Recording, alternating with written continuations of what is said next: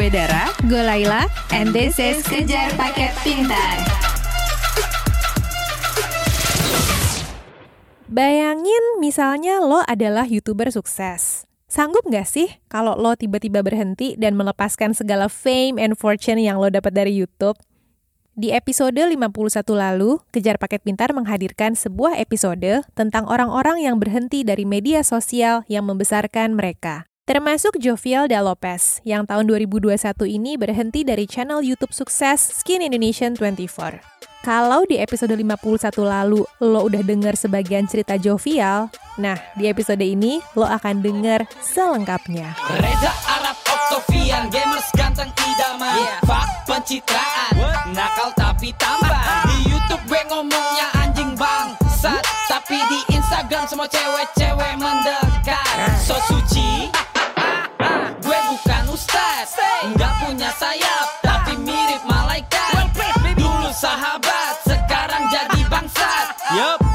Itu first dari gue Next Kajo YouTube, YouTube, YouTube lebih dari TV. YouTube, YouTube, YouTube lebih dari TV. Hati-hati gue gak pernah basa-basi. Sebentar lagi posisi kita berganti. Tapi jangan ke bawah hati. Semua lampu udah mati. Oke Jo, gue langsung nembak aja nih ya. Ini kan udah satu bulan lebih sejak tanggal 24 Juni 2021 sejak video berjudul Selamat Tinggal tayang yang menandakan Skinny Indonesian 24 berakhir. Ya. Nah sekarang apa rasanya sih nggak jadi kreator YouTube lagi?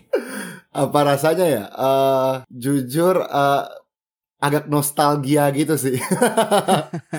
kayak akhir-akhir ini kayak minggu terakhir ini sempet sering mikir kayak, waduh kangen juga ya sama YouTube ya. Kayak hmm. kalau ada ide apa pun bisa dituangkan, bisa di bisa ditaruh, diupload ke YouTube hmm. gitu kan. Iya mm -mm, iya. iya selain itu sih sedikit jadi penonton gitu. Gimana tuh? Ini emang ini emang ini emang aneh ya. Jadi dulu waktu jadi konten kreator banget gitu di mana upload upload upload mikirin ide mikirin ide. Uh, jadi gue tuh kayak nggak ada waktu untuk nonton konten orang. Iya hmm. pasti sih. Jadi kita nggak jarang banyak waktu untuk eh ke YouTube yuk iya, iseng yeah, nonton yeah. apa gitu. hmm, gitu. Kebayang sih. Nah sekarang jadi lebih eksploratif, lebih banyak nonton dan jadi punya perspektif lain gitu hmm, tentang iya, tentang iya. YouTube iya. daripada sebelumnya.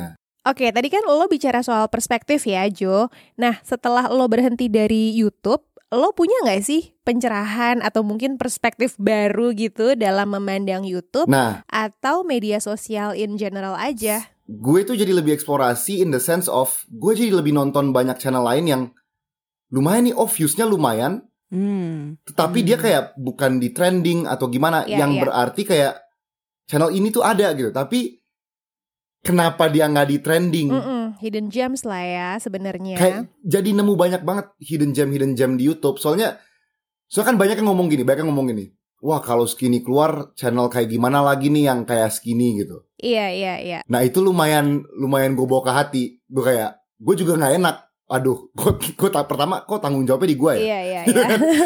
Tapi kedua jadi kayak, oke okay, gue mau cari tahu nih, ada nggak sih channel-channel lain yang menarik gitu? Hmm. Nah, abis itu nyari aja, nyari dan ternyata nemu. Nah, sekarang tuh kayak gimana cara channel-channel kayak gini yang yang ke trending ya? Hmm, jadi iya, iya. channel-channel gini nanti yang kalau orang masuk YouTube nih, bagi para pemula-pemula masuk YouTube, kalau mereka masuk YouTube mereka kayak eh kalau bikin channel tuh bisa kayak gini. Hmm. Ngasih contoh gitu lah ya. Iya kan? Mm -mm. Iya, ya gitulah. Itu itu salah satu perspektif. Nah, kalau perspektif lain tuh sebenarnya dari TikTok, muncul dari TikTok. Oke. Okay. Hmm, iya, ya, iya, jadi iya. di TikTok itu jujur gue mungkin banyak yang bakal bilang sedikit old school gitu di mana dulu tuh mikirin TikTok tuh cuma joget-joget aja gitu. Padahal enggak kan ternyata kan. Padahal tuh kan? bervariasi banget kan kontennya. Iya, ternyata sejak keluar YouTube, wow, TikTok itu ibaratnya kayak YouTube zaman dulu. Hmm, gimana tuh? Kenapa tuh? Jadi jadi YouTube zaman dulu tuh bener-bener kayak orang kita nggak tahu nih orang siapa hmm. menyuarakan keresahan, entah itu dalam bentuk serius, entah dalam bentuk komedi. Oke. Okay. Nah, itu sekarang TikTok tuh kayak gitu. Dan TikTok tuh ibaratnya unfiltered, mm, uncensored. Okay. Orang tuh mau ngomong opini dia tentang misalnya Indonesia kan sangat tidak terbuka tentang LGBT. Nah di TikTok kan banyak banget tuh ya konten LGBT gitu ya. TikTok nggak peduli Indonesia peduli tentang LGBT atau enggak. YouTube tuh dulu kayak gitu. Oh. dulu oke. itu YouTube banyak banget kayak orang coming out di YouTube karena dia Hmm. takut. Gua di radio nggak ada yang bakal denger, di TV TV nggak berani. YouTube tuh berani. Jadi kayak judgment free zone gitu ya. Nah, sekarang YouTube udah terlalu jadi industri. Orang tuh kalau mau berani harus ke tempat lain. YouTube isinya ya ngobrol-ngobrol, artis-artis. Ya apa beda sama TV tahun 2000 gitu. Setuju sih. YouTube tuh ini agak sedikit insider info. Mereka tuh merasa perkembangan mereka terlalu pelan. Jadi mereka tuh perlu mereka tuh mau mendapat langsung skala masif satu Iya. Indonesia masuk. Itu baik Hmm. banget, betul. Jadi mereka mau nggak mau mereka pakai taktik TV. Mereka mereka langsung tarik-tarik. Kalau kalian lihat kan ada sebuah tahun tertentu di mana semua artis masuk. Oh iya Bukan iya, kayak iya, artisnya masuk satu-satu gitu. Sekitar 2017 gitu ya. Bener, bener lah. Bener, bener. Jadi dari back end YouTube itu Hmm. dia ngelobi-lobi orang-orang ini untuk bikin channel di YouTube. Mm-mm. Hmm. Jadi kita sangat tahu strategi-strategi mereka. Jadi banyak lobbying sama stasiun TV, sama Hmm. Artis untuk masuk ke platform ini. Ujung-ujungnya mereka masuk Hmm. dan hebatnya, bukan hebatnya sih. Eh, sebenarnya hebatnya kan mereka udah punya platform di TV. Iya. Ya mereka tinggal crossing aja, tinggal promoin channel YouTube mereka di TV. Oke. Langsung muncul nih semua penonton baru yang nggak tahu tuh YouTube tuh- YouTube dulu isinya apa. YouTube tuh dulu ada sebuah energi yang berbeda gitu. Hmm. Hmm. Nah, tiba-tiba dengan semua strategi baru ini masuk semua orang baru secara dadakan, ya itu energinya berubah ke masa lalu lagi. Iya sih. Sayang banget yang tadi selesai ini progresif hal baru mundur. Iya, iya, Hmm. iya. Nah, TikTok, TikTok malah sekarang agak gini nih. Bener. Makanya bener. kemarin gue sempet seminar gue ngomong, wah gue berharap nih TikTok tiga tahun ke depan nggak diambil alih lagi nih. Oke, jadi harapan lo tuh TikTok jangan langsung dikomersialisasikan dulu kali ya. Benar. Tapi itu menarik sih karena at one point kirain kita itu eh, artis-artis atau industri TV masuk YouTube itu ya keputusan individu mereka sendiri aja, organik. Tapi ternyata by design juga ya. Itu juga baru Benar. tahu sih gue. Iya, gue juga baru tahu tuh lah. Nah, eh mungkin agak mundur sedikit gitu ya, Jo. Kan salah satu alasan lo eh setuju sama Andovi untuk mengakhiri channel Skin Indonesian 24 di YouTube ini karena menurut lo udah nggak ada tantangan dalam platform ini gitu. Hmm. Nah, apakah sekarang eh, lo udah menemukan tantangan lain untuk dieksplor? Boleh nggak sih cerita seperti apa gitu? Nah, tantangan lain sekarang tuh jujur, kita tuh ingin mencari medium yang bisa menyuarakan kita gitu. Dan menghasilkan. Hmm, hmm. Soalnya kan kita nih high effort berarti banyak uang yang keluar ya. Mm-mm. Kayak DPR musikal, pensi itu mahal. Hmm. Tantangan lainnya adalah gimana cara gue nggak komersil banget. Itu aja sih jujur. Apa tuh maksudnya nggak komersil banget?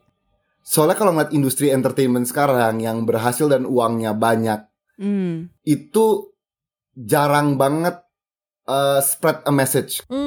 Hmm, iya iya. Pasti sih. Jadi jangan kita keluarin konten yang yang nonton sedikit, sayang banget karena kita mau pesan kita mau didengar banyak orang gitu. Mm-mm. Iya iya iya. Ya, Tapi kan sebenarnya Skinny itu terutama setahun terakhir ya, itu tuh udah berusaha bikin video-video yang bergizi Iya, gitu, benar. yang woke gitu. Mungkin kemasannya komersil tapi isinya eh, padat, informatif Iya. dan ya bergizi banget lah ya. benar-benar kita sebenarnya ya kita tuh udah berusaha sejak wave orang-orang TV ini masuk sih. Jadi dari 2017 kita tuh udah udah udah coba fighting hmm, hmm. for bukan the old YouTube ya. Jatuhnya kayak the more impactful, the more meaningful, the more brave YouTube gitu. Hmm, iya iya. Tetapi tenggelam gitu. Kalau yang main kayak gini cuma satu orang dan semua orang lain. Soalnya gini, orang tuh kira simply ini cuma dari kita doang. Kan ada banyak ini kita juga sempat jelasin di video sih. Mhm, Tapi banyak elemen yang bermain, ada ada advertiser, hmm, ada apa, ada apa. Iya iya. Advertiser ketika dia ngelihat dia kan nggak peduli baik buruk. Dia kalau ngelihat ya dia peduli sih. Maksudnya dia kalau ngeliat semua orang lagi kayak gini, ya masa dia mau naruh uang dia di tempat yang gak ada orang nonton gitu kan? Ya kapitalis aja lah ya. Jadi ketika gamenya berubah semuanya belok. Advertiser belok, penonton belok, kreator belok, semuanya belok. Hmm. Nah, kita coba kita nih selalu coba kayak yuk coba di jalur ini gitu bisa. Masalahnya kalau jalur ini nggak masuk trending, ya berarti konten ini nggak laku di mata orang awam. Di mata kita mah ini laku-laku dan bagus-bagus aja gitu. Mhm, Iya, iya. Cuma di mata orang awam, ngapain bikin konten kayak segini? Nggak laku, nggak laku, nggak laku. Hmm. Dan jadinya orang jadi menjauh dari mau membuat konten seperti ini. Iya, iya, iya, iya. Iya. Begitu. Tapi kalau gue boleh kasih opini ya, Ya. mungkin lo tuh jangan membebani hal ini ke diri lo sendiri Mm-mm. atau ke diri skinny aja gitu. Siap. Karena solusi ini tuh kayaknya di luar internet gitu lah ya, di luar Betul. YouTube lah ya. Misalnya em, anak-anak Indonesia itu harus dilatih berpikir kritis dari kecil. Jadi pas udah lebih besar mereka bisa memilih tontonan yang bergizi gitu. Jadi Hmm. itu salah satu contoh aja. Jadi Sangat Um, amat sangat amat setuju. Makanya waktu waktu gue tarik kan gue sama Anvi bedah mendalam lah. Kayak emang ini bukan cuma masalah entertainment, ini masalah pendidikan kita. Ini tuh masalah pendidikan kita di mana ya topik yang disukai negara ini emang seperti itu. Receh-receh ya. Dan ini tuh nggak jauh meleset dari pendidikan kita karena emang benar Heeh. kalau kita nggak bisa berpikir kritis, ujung-ujungnya topik-topik ini yang bakal menguasai otak kita, Hmm, hmm, hmm, hmm. gitu kan? Iya. Kalau kita bisa aja lebih memilah kayak, eh ini ber, ini menarik dan berguna bagi gua. Kebanyakan orang tuh cuma, eh ini menarik, udah titik, nggak lanjut, Hmm, hmm, gitu kan? hmm. Ini menarik, ini mengisi waktu gua. Gue bingung nih ngapain dari jam 6 sampai jam 8 malam. Yaudah nonton sinetron aja, ini kan mengisi waktu gua. mhm, Menarik, tapi apakah berguna bagi gua? iya iya iya. Nah, orang tuh nggak pernah nyampe level berguna. Hari ini gua mau nengokin, mau main ke rumah teman gua di Bandung yang masih muda, rumahnya gede segede istana Disneyland. Peliharaannya ada harimau, burung unta, sama binturong yang seberat barbel guys ya. Duh itu binturong apa masa lalu ya berat banget dilupain. Eh, enggak, enggak, enggak. Gimana rasanya punya rumah gede, masih muda, punya kebun binatang sendirian guys? Mau tahu, mau tahu? Tonton videonya sampai habis. Jangan lupa subscribe, like, like, like, like yang banyak. Subscribe, subscribe, subscribe. Dan jangan lupa turn on notification-nya atau loncengnya ya guys. Ya selamat menonton, enjoy! Nah. Ibaratnya kayak makan micin lah ya, Iya. makan MSG gitu. Bener. Nah, Enak tapi nggak berguna. nah, micin itu bener. Itu contoh yang sangat bener. Heeh. Micin itu enak, tapi apakah berguna? Micin itu menarik, tapi apakah berguna gitu kan? Mhm, iya iya. Orang tuh selalu soalnya yang, yang berguna itu sulit. Iya. Orang tuh jarang banget mau dibelokin ke yang sulit-sulit. nah makanya gue sama Anvi ujungnya di video terakhir kita ngomong Ah, kita nih mau berjuang untuk pendidikan, pendidikan, pendidikan. Iya iya iya. Karena emang benar mau sekeras kerasnya apa pun kita di sini, penontonnya juga harus juga ber- harus partisipasi dalam ini gitu. betul sih. Bukan cuma sang kreator doang. Mm-mm, Iya. Bener. Terlalu berat Dan lah. penonton kan lebih banyak daripada kreator. Iya, terlalu berat lah kalau beban mengedukasi penonton ini semuanya ditaruh di pundak lo Iya, gitu pundak kan. konten kreator kita ini Benar. ya. Nah, terus kemudian yang kami lihat gitu di video-video wawancara lo yang lain, di artikel-artikel tentang skinny gitu. Kalau kita baca soal eh, berhentinya kalian dari YouTube, itu kayaknya yang pertama kali mencetus ide, oke kita stop dulu ya dari YouTube, Hmm. itu adalah Andovi gitu kan. Iya. Nah, terus gue penasaran apa sih peristiwa atau anything yang membuat lo setuju sama Andovi? Oke deh berhenti deh gitu kan karena ide awalnya dari dia gitu kan. Iya. Gua tuh lebih di di Andovi sih. Iya, Ini iya. jujur jujur aja. Mm-mm. Gua tuh nggak mau berhenti. Hmm. Gua tuh ibaratnya Hmm. gue sangat suka dunia ini. Hmm. Tapi Andovi emang sedang mengalami sesuatu yang internal lah di dia. Jadi Mm-mm. he he needs to sort himself out. Dia ngomong itu berkali-kali kan di podcast siapa siapa siapa bahkan di di video terakhir kita dia kayak I need to work on me Iya, iya, iya. and fix me. I, abis itu I can fix everything else I want to fix. Iya. Gitu kan. Iya. Dan gue sangat setuju sama itu. Soalnya gue nggak mau kerjaan ini atau video atau YouTube ini menjadi beban Hmm. bagi dia. Hmm, iya. Intinya kalian bersepakat berhenti, Ya. tapi yang gue simpulin tuh alasannya Andovi tuh lebih alasan internal, Iya. tapi kalau lo tuh alasannya lebih eksternal gitu ya. Bener, bener. Kalau gue tuh lebih eksternal. Hmm.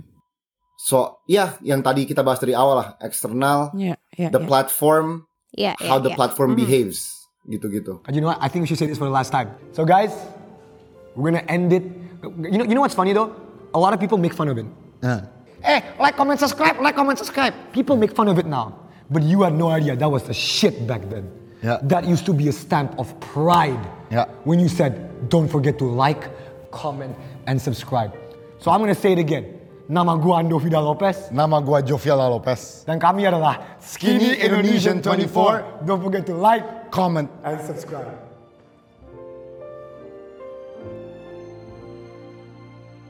Nah, kalau soal faktor eksternal ini nih Jo, how the platform behaves.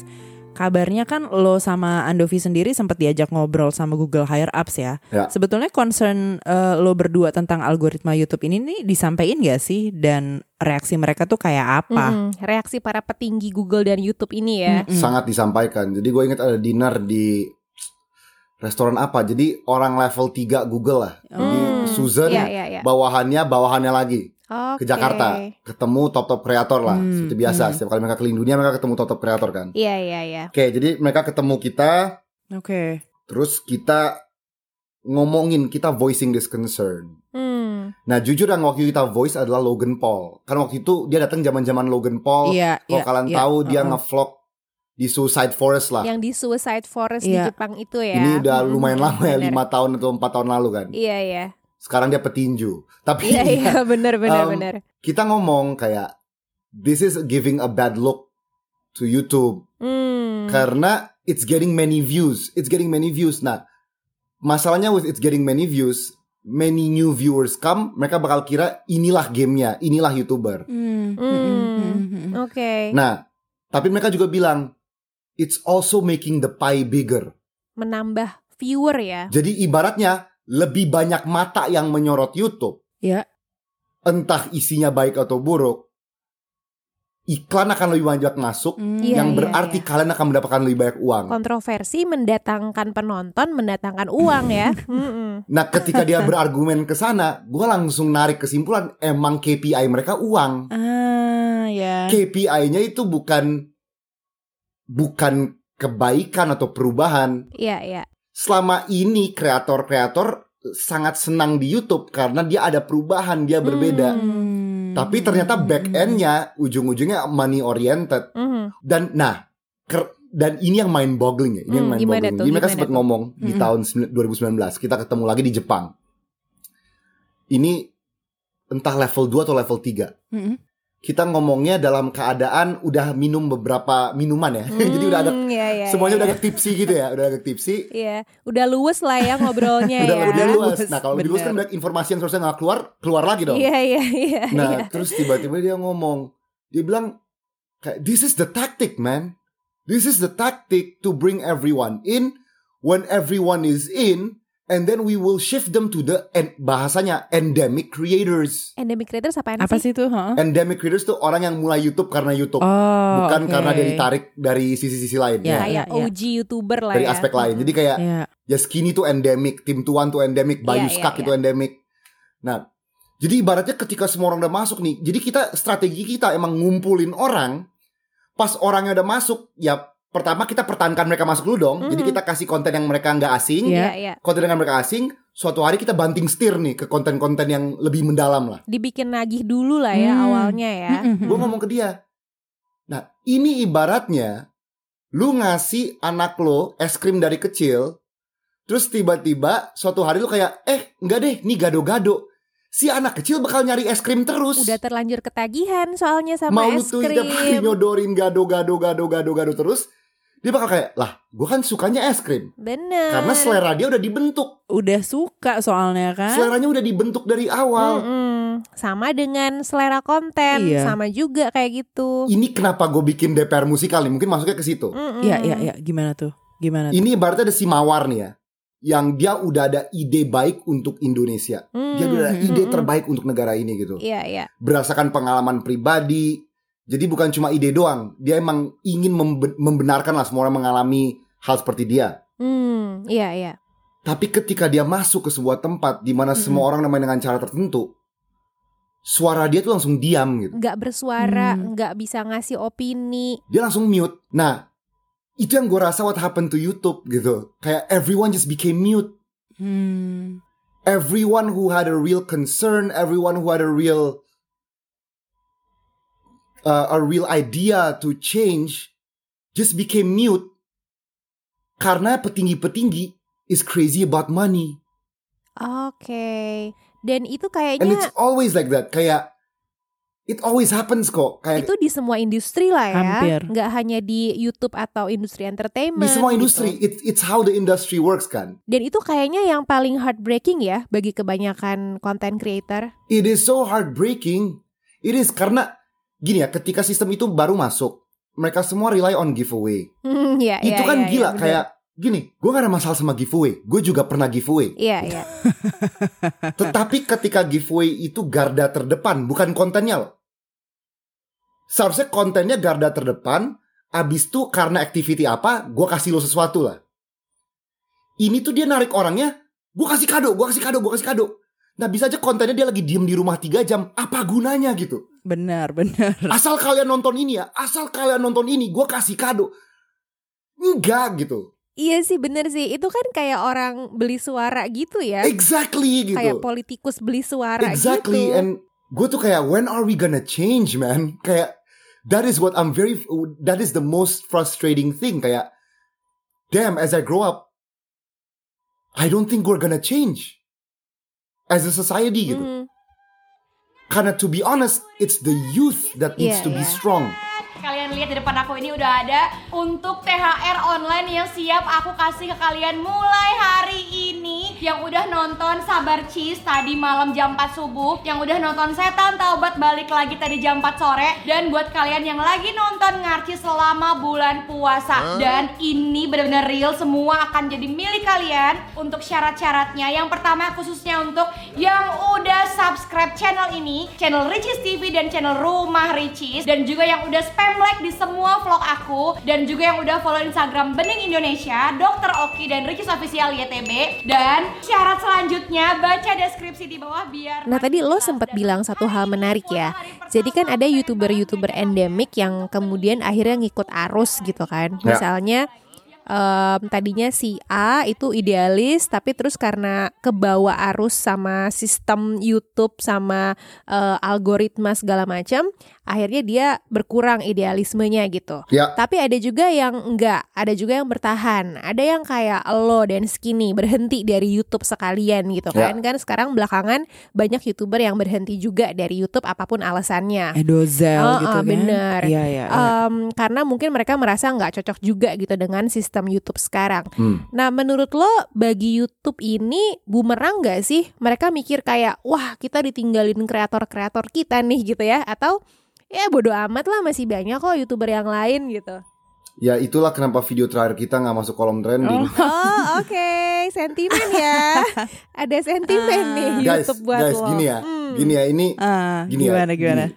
YouTube to me is a is a love hate relationship karena in one aspect they made me juga gitu. I love Hmm. them for that. Yeah. They gave me the platform to do this. Gitu. Ya. Mhm, mhm.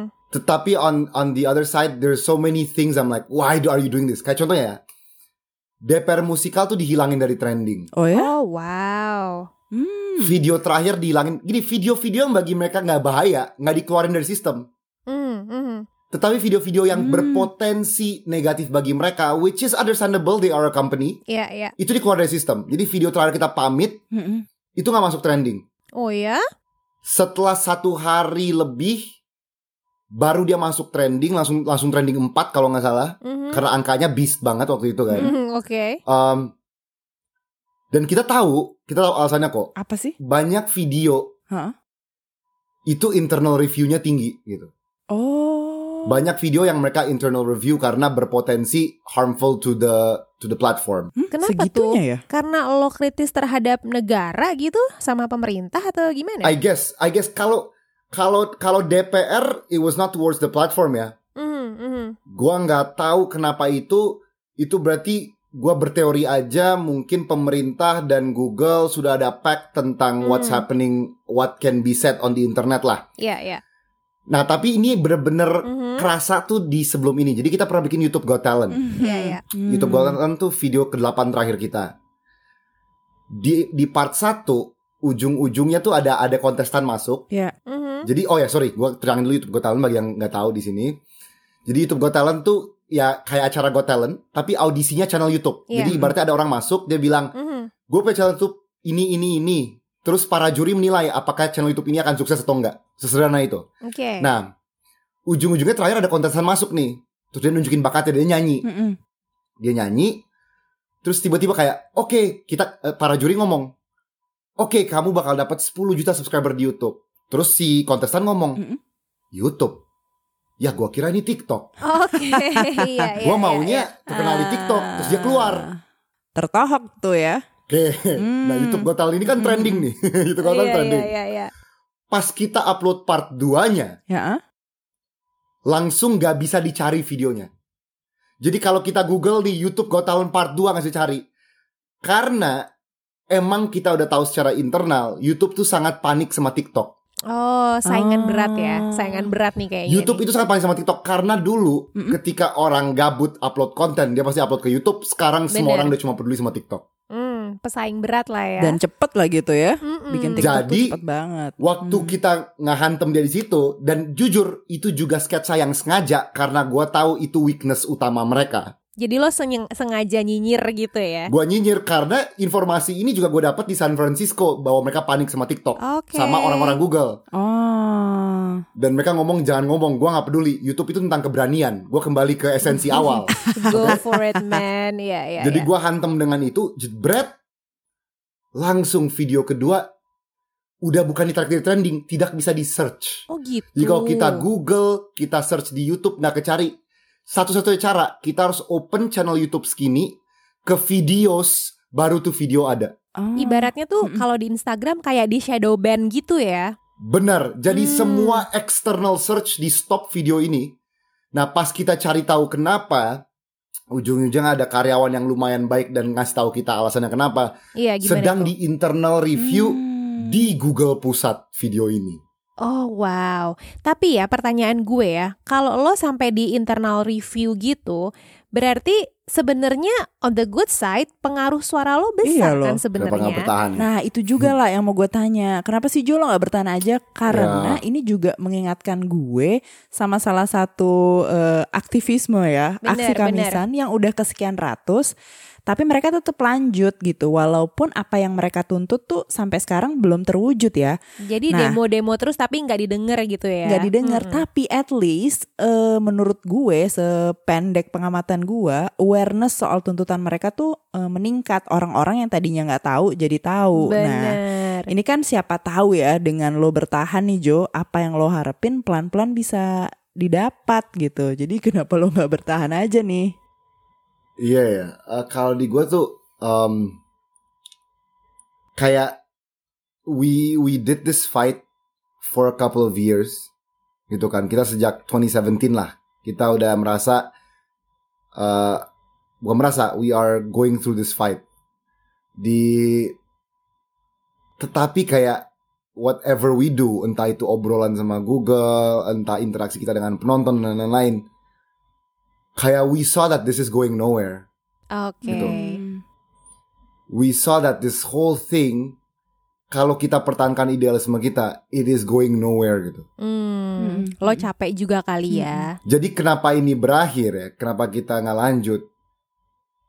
Karena emang gini, kayaknya we really treated this like a love relationship gitu. Hmm, hmm. We really love the YouTube Iya, iya. gitu kan. Hmm. And when you love something you hurt bad gitu.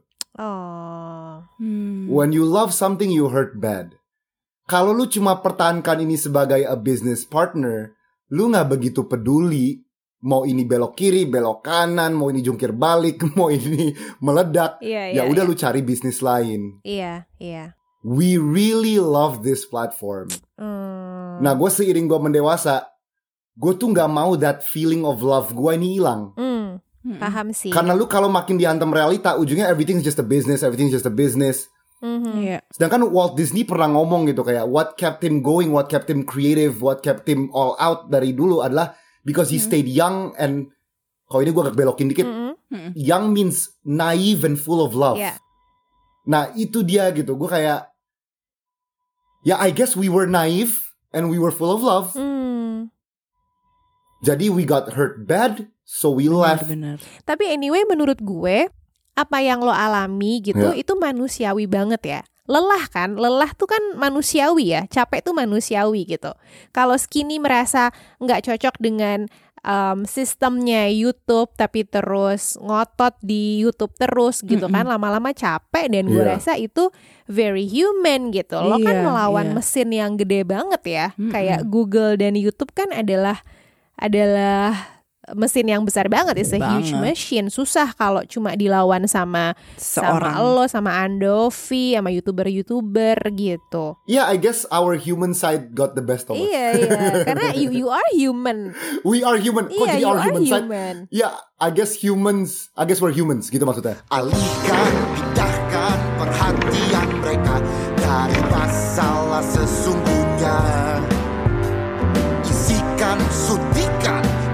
Pikiran mereka dengan hal yang gak berguna. Nah Jo, kalau nanti lo lanjut berkarya di platform lain, misalnya TikTok tadi, yang karena sekarang lo ngelihatnya TikTok masih punya energi idealis yang sama kayak YouTube gitu kan. Tapi kalau nanti TikTok shifting kayak YouTube, Ya, apakah lo akan berhenti dan cari platform lain atau sejak awal lo memang akan mempersiapkan diri untuk perubahan yang gak enak gitu supaya lo lanjut aja instead of berhenti atau pindah platform gitu ya. Nah, gue itu pertanyaan yang sangat bagus. Gue nggak mungkin hopping platform sampai mati kan. Iya iya iya. Joviela Lopez, platform hopper itu di Wikipedia nanti. Nggak gitu juga lah ya. So this guy is very well known for hopping platforms gitu kan. Nggak, eh, gua ini sih. Nah ini ini keresahan terbesar gue sekarang. Gue sekarang pertanyaan gue adalah, am I made for entertainment? Hmm. This is the biggest question in my head. Ya. Karena it feels like kalau kita di pemerintahan itu juga we can thrive karena this is what we're fighting for Hmm. Gitu. Iya. This is what we're fighting for, equality for everyone gitu kan. Mhm. Nah, is entertainment really the avenue gitu. Hmm. Itu yang my internal struggle right now. Oke, kegalauan lo Gitu. ya. Karena lo dulu juga agak nggak sengaja ya kecebur ke industri entertainment Iya, awalnya. Gue nggak sengaja, iya ya bener, gue nggak sengaja. Tetapi gue dari dulu tuh mau jadi aktor, gue tuh dari dulu mau acting. Oh, Oke. Gue aja lulus dari SMA di Denmark, gue ngambil IKJ teater, Oh oke, gue baru tahu Ternyata which is a ya. very giant shift in my life gitu. Gue, I went into, I went to an international school in Europe, terus dia balik ke sini, I went to IKJ. Bingung nggak lo pas It was masuk just a IKJ? culture difference, Ah, man. Kayak gue kayak what, what is happening? gitu. KJ pula What is gitu kan. happening? Creepy banget kan di IKJ tuh, ya ya ya. Dan iya gitu, it was just a culture shock. Tetapi I tried, ya I, I tried going there, Iya iya. it didn't work out. Nah, gue pindah kuliah kan. Hmm, ke UI nah, ya. tapi intinya I really loved the entertainment dari kecil. Hmm. Hmm, hmm, Tetapi juga I guess entertainment tuh on one side, tapi equality for all juga on another side gitu. Oke. hmm. Karena gue tuh paling benci bikin sketsa-sketsa yang gak ada isinya. Itu gini ya, orang kayak kira kayak oh skinny sengaja bikin berbeda. Enggak. This is who we actually are gitu. I really hate making things kayak and put my name on it kalau there's no bigger impact. Hmm, karena itu kan akan menjadi legacy lo juga sih. Hmm. Iya, iya. Nah, soal bikin karya yang memiliki dampak baik dan perubahan yang baik nih, eh, kita juga dengar kabar kalau si channel YouTube Skin Indonesian 24 mau dikasih ke komunitas di Indonesia Timur gitu.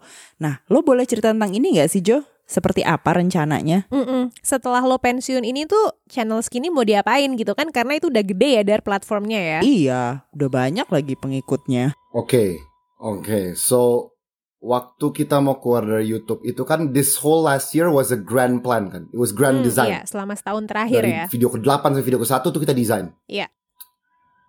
Video ke-1 tuh aslinya itu tuh kita mau bangun sekolah.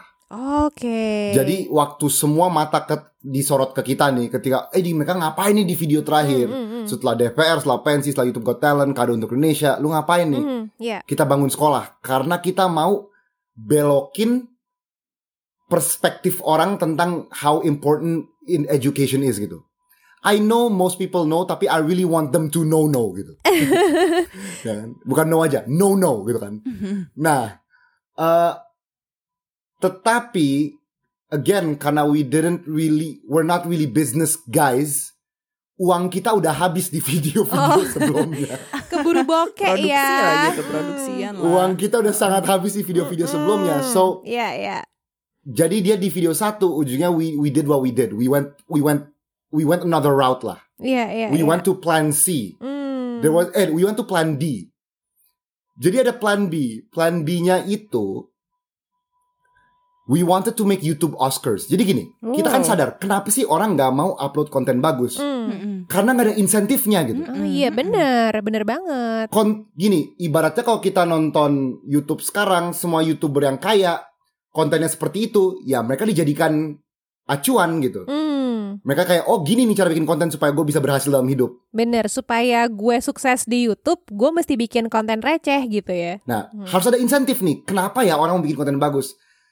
Tadinya kita mau mau rubah channel ini menjadi the YouTube Oscars. Oh itu keren banget. Itu gue gue setuju banget loh. Ih, Karena iya loh. YouTube yang laku kan kayak box office ya. Mm-mm. Em, jadi banyak pemirsanya tapi kualitasnya belum tentu benar gitu kan. aduh Nah, bener. jadi harus ada The Academy yang kasih penilaian film-film berkualitas walaupun nggak box office gitu ya. Sama halnya dengan Exactly. YouTube Iya, nggak sih? iya dong. Jadi kualitas yang video yang berkualitas tuh harus dikasih penghargaan lah Banget, ibaratnya gitu kan. Walaupun viewersnya nggak tinggi gitu-gitu exactly lah. guys. Jadi tunggu aja. Sebenarnya that's the grand design. Jadi gue mau ganti ini jadi YouTube Oscars. Ih ditunggu Ah. banget. Oke, oke. Nice. Jadi this channel is gonna just upload annually. Iya, iya. Dan isinya tuh kayak s- selain di hari Oscarnya itu, Mm-mm. Kita bakal ada interview-interview dengan kreatornya kayak kenapa dia bikin video ini dan lain-lain gitu. Oh, seru Iya. banget. Jadi we dive deeper to good content. Oh iya, so Ya, ya. cool. Iya, iya, iya. Uh, that plan got uh, thrown out karena pandemi. Hmm. Jadi kita kita nggak mau bikin virtual Oscars itu sangat garing sangat tuh, garing tuh. Nggak, jangan, Energinya. Kalau bisa kurang jangan berasa. ya, Bener kurang itu ya. kan kalau Oscars kita bener-bener kita mau bikin ada red carpet di awal orang foto Oh. baju bagus orang duduk Iya dong. terus tiba-tiba kayak best DOP goes to kita Ah, bikin bener bikin kayak gitu gitu rasa vibe-nya gitu. dan itu Iya. bakal mind blowing sih orang bakal kayak what the Iya. fuck just happened gitu Iya, kan. iya, iya. Nah, eh kalau yang rencana mau mere tuh gimana sih? Karena gue pribadi tuh semangat denger rencana lo ini karena gue Hmm. pernah nonton karya sebuah kolektif dari Flores Timur yang oke dan sepertinya teman-teman di Indonesia Timur nih memang perlu dikasih tempat lebih banyak lagi ya Ya. untuk mengamplifikasi karya-karya dari sana gitu. Jadi oke banget kalau mereka dikasih platform. nah plan salah satu plan gue lupa nih plan apa nih sekarang plan oh plan C itu give it to the government Hmm, tapi jangan the government pusat kita pengen ngasih ke NTT Ya, bener-bener. Jadi that's one of the plans untuk ini adalah sebuah wadah di mana semua orang kreatif di timur Ya. itu bisa upload ke kreativit- ke kreativitasan mereka di sini gitu. Mm-mm. Cuma and then we thought about back end. iya. Ini siapa yang kelola? Bener juga Pemkot. sih. Kalau kita kasih Bener ke pemerintahan apakah ini akan malah jadi hilang esensi YouTube-nya, ini malah menjadi program Heeh. gitu kan. Akan menjadi program pemerintah menjadi program Pemda, Pemkot. Kebayang, kebayang sih. ujung-ujungnya ini malah ada uang-uang yang dikorupsi gara-gara channel YouTube gua. Nah, gua nggak mau gitu. Bener sih. Karena harus kita yang megang, sedangkan kita nggak berbasis di sana. Logistiknya agak susah sih ya. Kita berbasis di sini. Jadi kita kayak kalau kita mau bikin ini, we have to think about the logistics even better lah gitu. Iya, iya, iya. Paham, paham. Jadi that's it. Tapi yang what I like about all these ideas adalah it it it it puts a spotlight on things that that I think needs spotlight. Good content, daerah tertinggal dan pendidikan gitu. Hmm, perlu dikasih panggung lah ya intinya ya. Yes. Perlu dikasih spotlight. Mm-mm.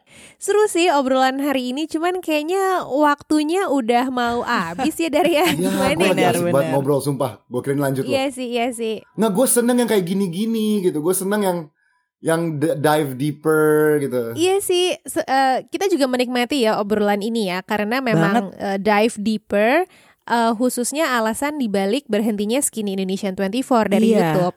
Karena Iya. waktu Skinny memutuskan berhenti, pengumuman berhenti, itu tuh gue tuh merasa bahwa alasannya pasti kompleks deh nih sebenarnya gitu kan. Iya, nggak Sementara kalau di Capek doang ya.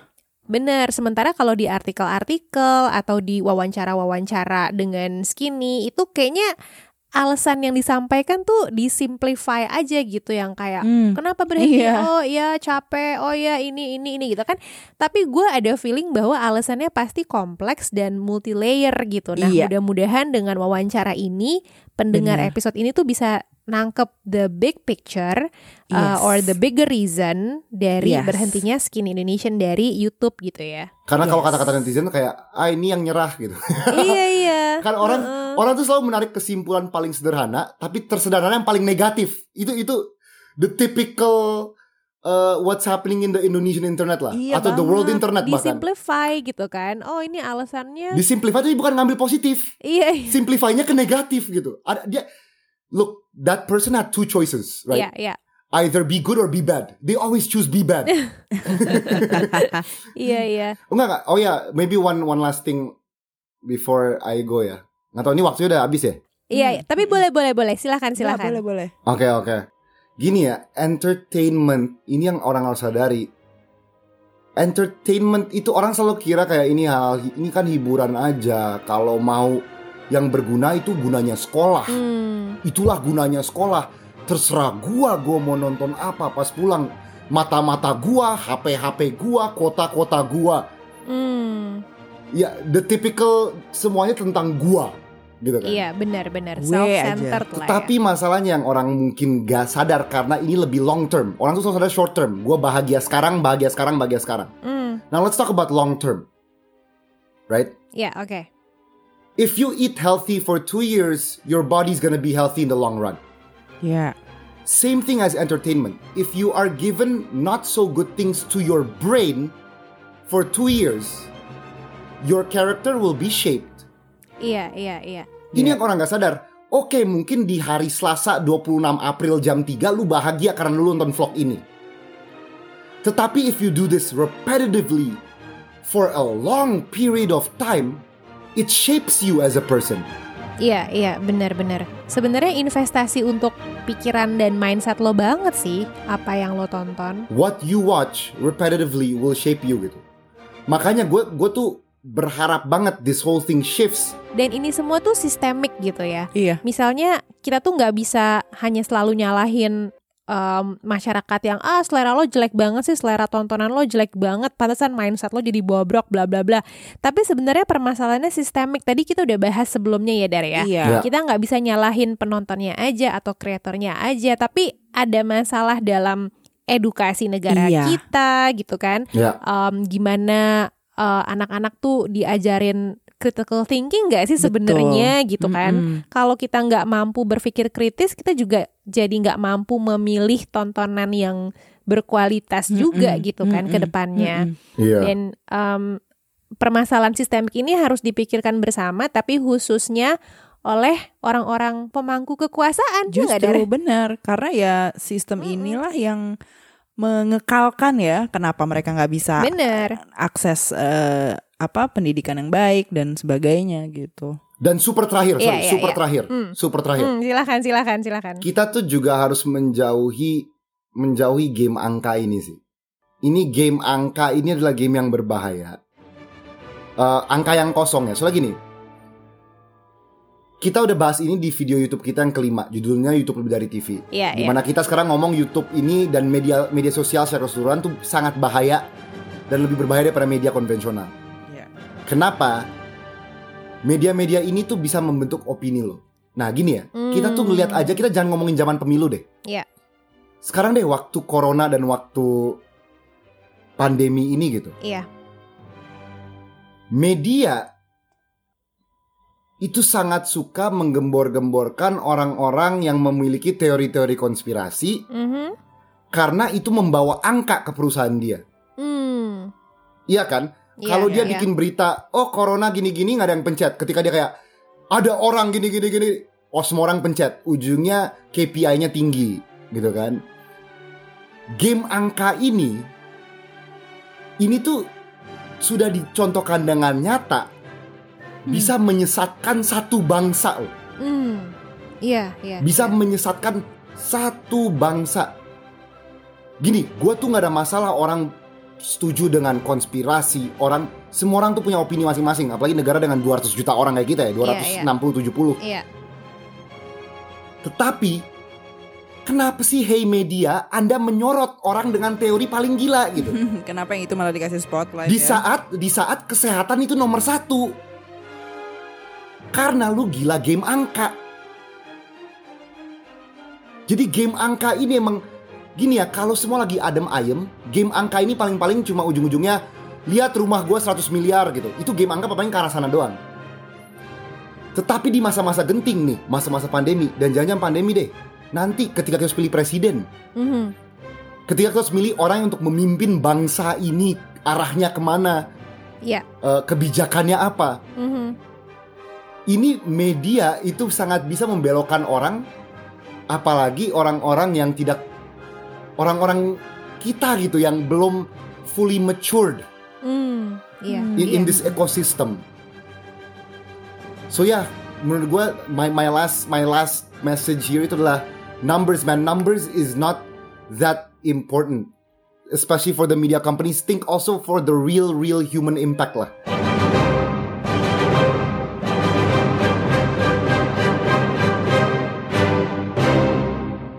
Gila, seru banget sih. Ini kalau kita seru. ketemu langsung gimana ya Nah. lah kalau kita bikinin IG live sama Jovial dan Andovi nih di IG live ya KPP. Bisa seharian Ah, ah. kayaknya ngobrolnya ya. Ya, tapi sayangnya memang eh, kita harus batasi lah ya gitu. Betul, betul. Mudah-mudahan eh, teman-teman yang dengar bisa itu seperti tadi lo bilang dapat gambaran besar dan eh, lebih kaya perspektif gitu. Betul. Juga em, gambaran lebih lengkap tentang berhentinya Skin Indonesian 24 dari YouTube. Makasih banget ya Jovial udah ngobrol bareng kita hari ini. Thank you.